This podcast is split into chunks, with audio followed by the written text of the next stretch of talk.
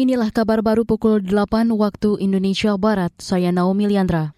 Presiden Joko Widodo meminta semua negara menjaga stabilitas dan perdamaian di Laut Cina Selatan LCS.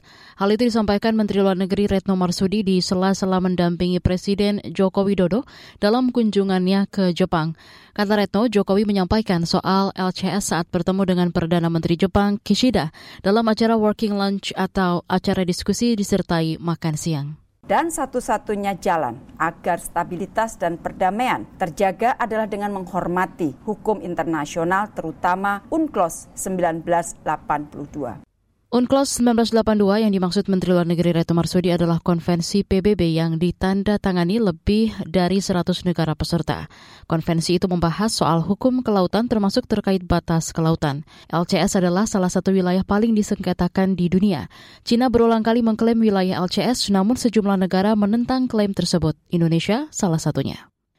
Pemerintah mendorong peningkatan pertumbuhan dan kontribusi industri minyak dan gas agar semakin optimal dan dapat dimanfaatkan masyarakat. Wakil Presiden Maruf Amin mengatakan minyak dan gas migas berperan strategis dalam pembangunan perekonomian Indonesia.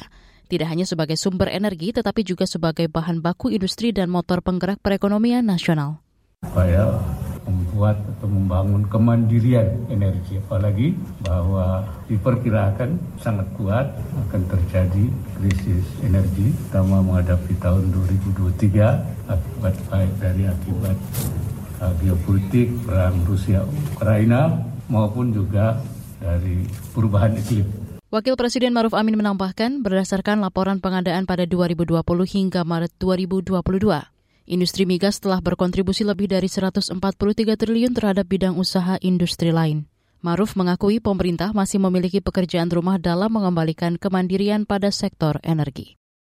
Mabes Polri menyebut proses otopsi ulang jenazah Brigadir J atau Yosua Huta Barat akan menimbulkan dua konsekuensi. Juru bicara Mabes Polri, Dedi Prasetyo, mengatakan konsekuensi pertama dari disiplin keilmuan yakni harus benar-benar sah dan bisa dipertanggungjawabkan. Ini disampaikan Dedi saat tim gabungan melakukan proses ekshumasi dan otopsi ulang jenazah Brigadir J di Jambi kemarin.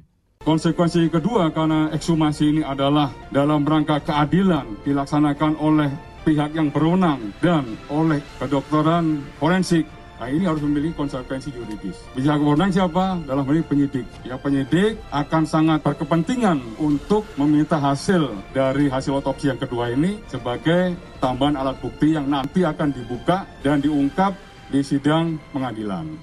Dedi menambahkan ekshumasi dan otopsi ulang Brigadir J dilakukan tim gabungan Polri, Perhimpunan Dokter Forensik Indonesia, dan dilakukan pengawasan oleh pihak eksternal yang independen dan imparsial. Tujuannya agar mendapat hasil yang dapat dipertanggungjawabkan secara hukum dan keilmuan. Kemarin jenazah Brigadir J diotopsi ulang untuk mengetahui penyebab kematian. Otopsi ulang dilakukan karena keluarga ragu dengan hasil otopsi pertama. Demikian kabar baru KBR, saya Naomi Liandra undur diri.